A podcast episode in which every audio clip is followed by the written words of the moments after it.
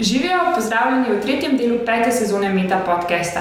Prvič v tej sezoni sem za mikrofonom Zarja, pogovarjala pa se bom z doktorsko študentko Nino Zupanič, ki doktorat opravlja na Inštitutu za nutricionistiko, pisana pa je na študijski program bioznanosti na Biotehnički fakulteti v Ljubljani. Živijo, Nina. Živijo, Zarja.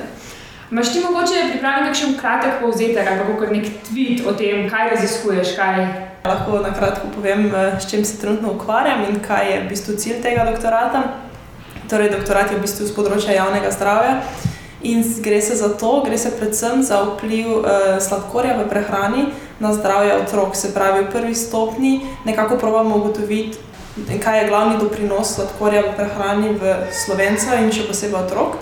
Se pravi, da ugotovimo, kaj je glavni vir sladkorja, na to, da ugotovimo, koliko sladkorja dejansko zaužijajo naši otroci. Uh, v zadnji stopni tega doktorata pa nekako predvidevamo. Um, narediti eno krajšo klinično študijo na temo, uh, v bistvu, kakšen vpliv na zdravje ima ta sladkor. Se pravi, um, ja, da vidimo, kakšen vpliv na neke metabolne aspekte um, otrok in podobno.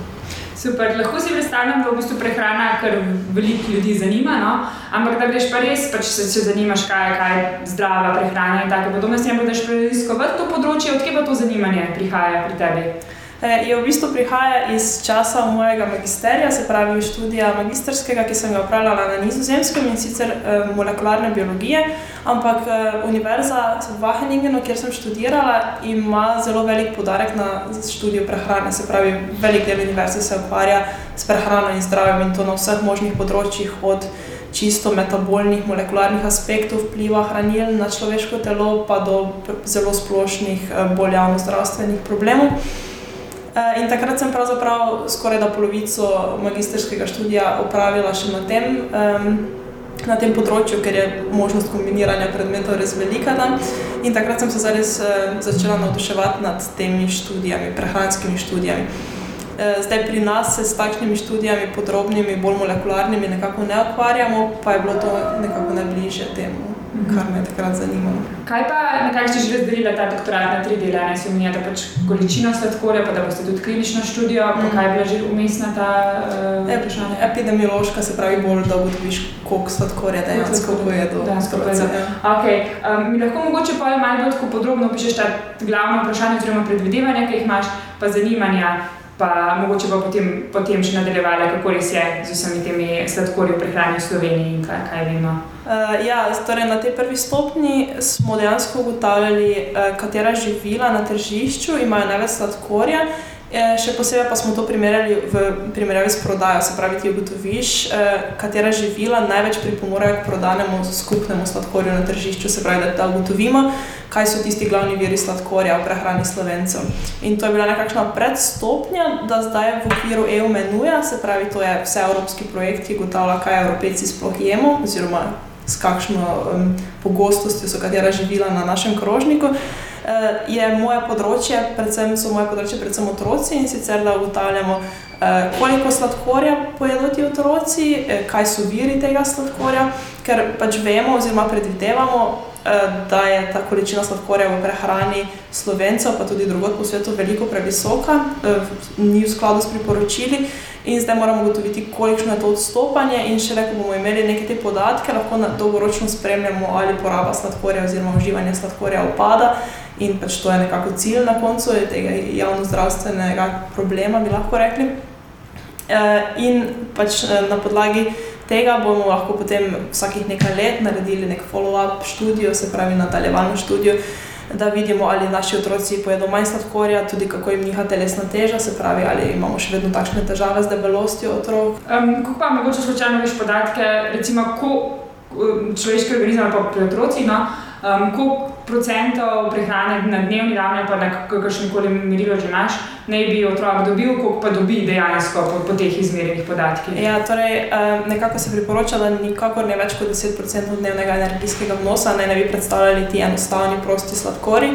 Še WHO, se pravi Svetovna zdravstvena organizacija, priporoča celo 5% ali manj za dodatne pozitivne zdravstvene učinke, predvsem za zdravje zob, pa metabolizem, se pravi metabolno zdravje. Uh, res pa je, da je to v našem sistemu, v, na, v našem trenutnem načinu prehranevanja precej težko doseči, ker skoraj da vsako živilo, vsako predelano, predpakirano živilo na tržišču skoraj da vsebuje sladkor. Pač ugotavljali smo, da okoli 75% živil na tržišču vsebuje dodan sladkor. Uh, tako da um, trenutnih rezultatov za Slovenijo še nimamo, vemo pa, da evropski otroci pojejo tudi do 17% um, kalorij iz teh enostavnih sladkorjev. Uh, v, v kakšni prehrani pa recimo si rekla, da, da ste gledali te produkte, nekaj ki jih kupujemo in ki je ta sladkor. Ampak lahko našteješ mogoče nekaj primerov tega. Pa, recimo, vem, da mislim, da v dispoziciji tudi omenjaš predvsem te pijače, ne? nekatere mogoče kdaj prepozabimo, da je v bistvu to tudi sladkor. Ne? Ja, v bistvu sladke pijače so pravzaprav eden izmed večjih problemov, kaj ti, ti zaužiješ pijačo, nisi sit, niti slučajno. Zaužil si prazne kalorije, praktično sladkor in ničesar koristnega, se pravi, nobenih vitaminov, nobenih mineralov. In potem podobno je nekako tudi z vsemi temi sladkarijami, slaščicami, stvarmi, ki imajo veliko sladkorja, pa malo nekih koristnih stvari.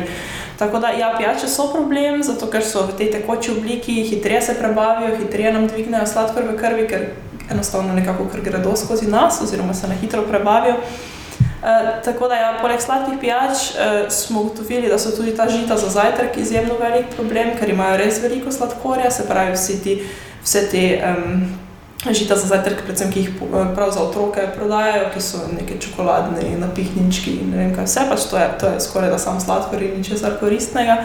Eh, pa potem seveda vse vrste sladkarij, ki so tudi bolj ali manj sam sladkor, pa žitne ploščice, ki imajo ogromno sladkorja, pa se morda sploh ne zavedamo, ker se oglašujejo kot izjemno zdrave. In, um.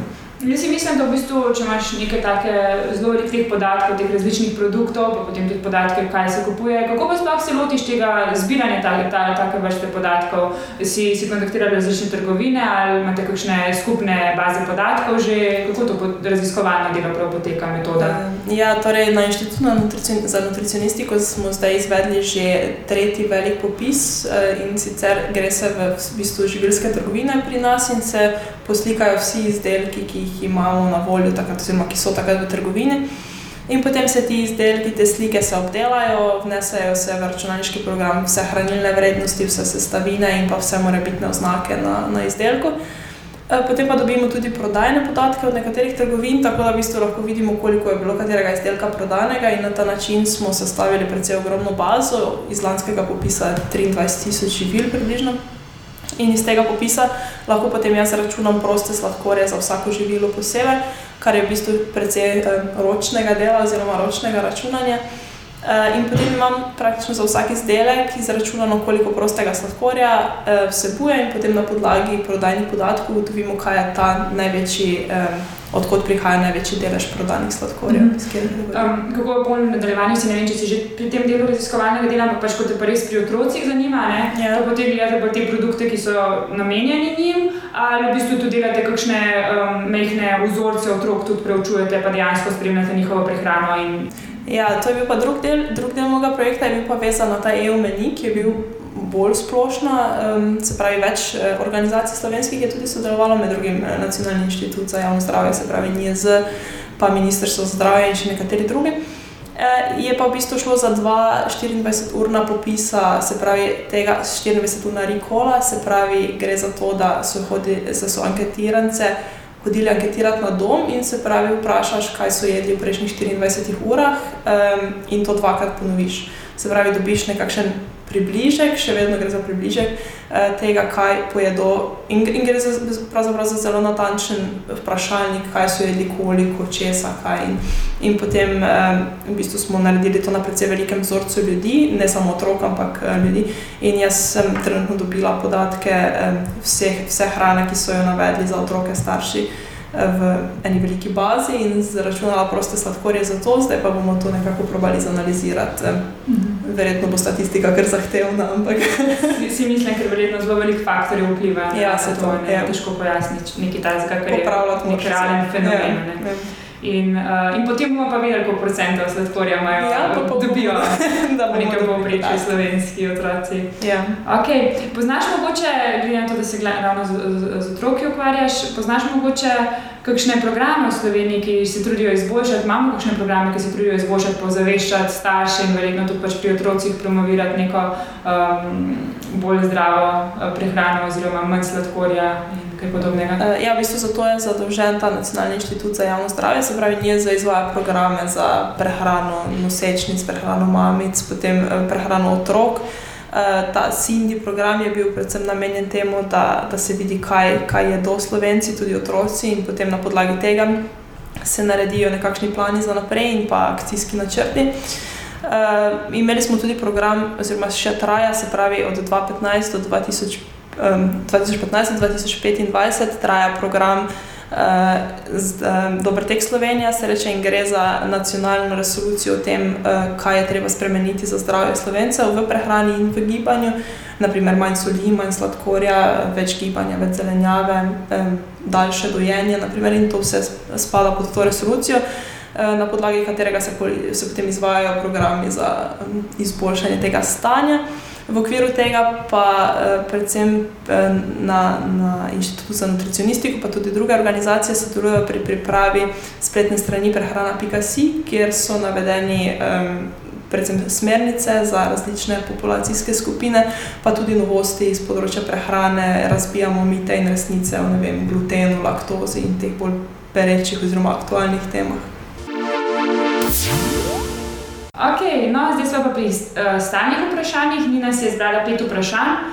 Trenutno je z glavno dobro začela tretji letnik doktorata, ampak mene kar zanima, kako so se od dopisa do danes spremenila tvoja pričakovanja glede doktorskega študija in ali bi se ponovno odločila za doktorski študij. Uh, ja, v bistvu um, je precej zanimivo vprašanje. Sem um, ravno razmišljala o tem, da v bistvu sem um, ta prvi pogled v doktorski študij dobila v tujini.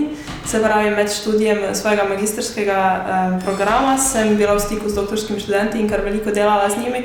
In takrat se mi je raziskovalno delo zares um, pričelo zdeti, da, da je to nekaj, v čemer bi rada nadaljevala svojo pot. No, tudi takratna, takratna mentorica me je zelo spodbujala, češ, da imam vse lastnosti dobrega raziskovalca, da nekaj vztrajam v raziskovalnem delu. E, tako da sem z raziskovalnim delom v bistvu začela že pred doktoratom, e, potem pa sem se zaradi štipendije, ki sem jo dobivala, vrnila v Slovenijo na doktorat. E, no, pravzaprav je vpraš, odgovor na to vprašanje, da ja, za, za doktorski študij bi se odločila še enkrat.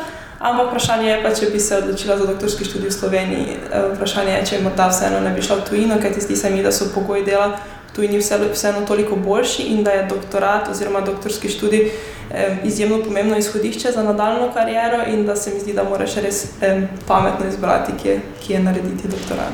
Mm, Kaj pa je bilo, recimo, um, ko si že, že omenila, da si že na nizozemskem začela um, raziskovalno delati po primerjavi s tukaj? Kaj pa, kaj pa se ti zdijo tisti glavni uh, plusi, česar, kar si na nizozemskem pridobila, tukaj pa mogoče ne? Ja, zdi se mi, da so prvo kot prvo precej boljši pogoji za raziskovalno delo, so v tujini, precej boljše je financirano raziskovalno delo, eh, nekako so ljudje res angažirani v to raziskovalno delo. Pač, eh, ta mentorica, ki sem jo imela, je bila res srcem pri stvari in nekako me uspela zares, zares motivirati za to, kar sem počela. In se mi zdi, da ko imaš do, dovolj motivacije, oziroma veliko motivacije, imaš noro dobrih idej in se mi zdi, da je to tisto, kar pri nas ljudje v znanosti, vse koliko sem jih srečala, pri nas ni take motivacije. Ljudje se več čas mučijo z financami, z pogoji dela in podobno. In se mi zdi, da potem ne moreš razvijati svoje kreativnosti do te mere, kot bi jo lahko v tujini. Recimo. Ok, imaš mogoče potem glih iz tega vprašanja oziroma tvojega odgovora, mogoče lahko nadaljujeva. Če bi imela priliko iti na kavo s predsednikom vlade, kaj bi mu predlagala, da izboljša na področju znanosti? Ja, ena takšna stvar, ki se mi zdi največji problem trenutno v znanosti, je finančna podhranjenost slovenske znanosti. Pa niti ne gre toliko samo za plače, se mi zdi, ki so pri nas sicer res nizke, da nek, nekdo, ki je univerzitetni asistent, ne dobi 1000 evrov neto plače, se, se mi zdi malo da ne absurdno za nekoga z doktoratom. Ampak še večji problem se mi zdi financiranje raziskovalnih projektov, ker zdi se mi, da ne moreš biti konkurenčen v svetu znanosti, če dobiš desetkrat manj financ za isti projekt, kot, je, kot ga dobi nekdo v tujini. In sicer se mi zdi, da, da Slovenija zares malo denarja nameni znanosti oziroma visokošolskemu sektorju. Nekaj sem prebrala, da, da damo 42 evrov na prebivalca eh, letno za znanost, medtem ko je povprečje Evropske unije 135 evrov. In potem je tu zares velika razlika, kaj si slovenski raziskovalci lahko privoščijo s tem denarjem in kako lahko zastavijo svoje poskuse. In, um, Zdi se mi, da smo pravzaprav zelo dobri, glede na to, kakšne pogoje imamo. Ampak to seveda ni izgovor, da, da moramo še naprej podhranjevati znanost. Ja, poleg tega se mi zdi, da je v tujini znanost bolj cenjena. No, nekako se mi zdi, da pri nas znanstveniki niso zares cenjeni v javnosti. No, se pravi, da, da se ne ne zavedamo pomena znanosti pri nas. Pa misliš, da bi lahko politika spodbudila to, da, da v bistvu, če bi oni imeli nek lepši odnos do znanosti, ja, mislim, bi lahko mogoče tudi javnost sledila, ja, ja. oziroma verjetno tudi mediji zraven. Bi, Ker pa zelo je bil sektor znanosti oziroma visokega šolstva ena izmed eh, prvih, sektor, en izmed prvih sektorov, kjer je bil nared, nared finančni res, mm -hmm. ker se pač znanost nekako smatra kot nekaj odvečnega oziroma da lahko naredimo finančni res brez škode. -hmm. okay. Kje se vidiš čez pet let in kaj boš počela čez 40 let? Ja, čez pet let upam, da na kakšnem dobrem raziskovalnem projektu nekaj, kar me bo zares motiviralo. Um, Kaj na takšnih projektih sem že delala in vem, da, da pravzaprav, če si res motiviran, lahko, lahko narediš dobre stvari, oziroma lahko um, nekako se počutiš koristnega in narediš nekaj za, za ta svet, oziroma za znanost. In čeprav recimo rada delam z ljudmi, trenutno še kar veliko delam z ljudmi, se mi zdi, da bi se rada vrnila v laboratorij, da se res dobro počutim v laboratoriju. In, um, ja, tako da upam, da čez 5 in pa čez 40 let bom še vedno vpeta v, v neko znanstveno strujo. Mogoče drugim eh, doktorskim študentom in študentkam predlagala kakšno tehniko za upravljanje s časom ali pa morda računalniški program, ki ti olajša delo in prihrani čas. Ja, najverjetneje je težko, kajti tudi sama nisem zares dobra z upravljanjem s časom, eh, tako da težko predlagam kaj koristnega. Eh, ena izmed stvari, ki sem se jo do zdaj naučila, je to, da se pravzaprav moraš eh, naučiti, da tudi v teh m, težkih trenutkih, oziroma takrat, ko, ko ti delo ne teče ravno najbolje, da se probaš in ostaneš motiviran, ker zdi se mi, da ko si motiviran, si zares produktiven in takrat čas ni največji problem, oziroma da dokler ti. Um, Pravzaprav, dokler ohranjaš motivacijo, lahko delaš na zares visokem nivoju, in takrat se mi zdi, da, da, da čas ni največja ovira. No. Uh, koga od nas znanih ali neznanih bi povabila na večerjo, če ne bi bilo nobenih omejitev? Hm. Eh, ja, mislim, da je precej dobrih znanstvenikov, s katerimi bi z veseljem um, poklepetala v kavi ali v večerji. Ampak, recimo, hm, če moramo omeniti enega, bi bila to morda Elizabeth Blackburn, Nobelova nagrajenka, ki je odkrila to naravo telomer, se pravi krajšanja in pa oziroma teh koncev kromosomov, se pravi. Um, in bila je v bistvu ena izmed teh prvih, ki je odkrila, kako, naši, kako so naši kromosomi na koncih sestavljeni, da se sami ne, ne začnejo razgrajevati. In to je bila ena izmed teh osnov za um, raziskovanje procesa staranja, se pravi, krajšanje telomer in pa procesa staranja. Tako da zdi se mi, da je odkrila toliko neverjetnih stvari, da bi človek z veseljem jo poslušal nekaj časa. In v bistvu odprla celo novo polje raziskovanja. Ja, res je. Ja. Ja. Ok, super, hvala, Nina. Ja, hvala tebi. Poslušali ste Meta podcast. To je oddaja, v kateri se pogovarjamo z mladimi znanstveniki in znanstvenicami z različnih področji znanosti. Podcast domuje na spletišču metinalista.si, kjer najdete tudi druge zanimive znanstvene vsebine. Naše delo lahko podprete z donacijo Metini listi. Zahvalo boste dobili izvod knjige Zanimiva, navdihujoča, uporabna. Pohvale, pripombe in predloge lahko posredujete po e-mailu znanost.afnametina.si. Dobrodošli so tudi komentarji na Facebook profilu Metina Liste in na Twitterju Afnametina Lista, kjer uporabite hashtag Meta Podcast.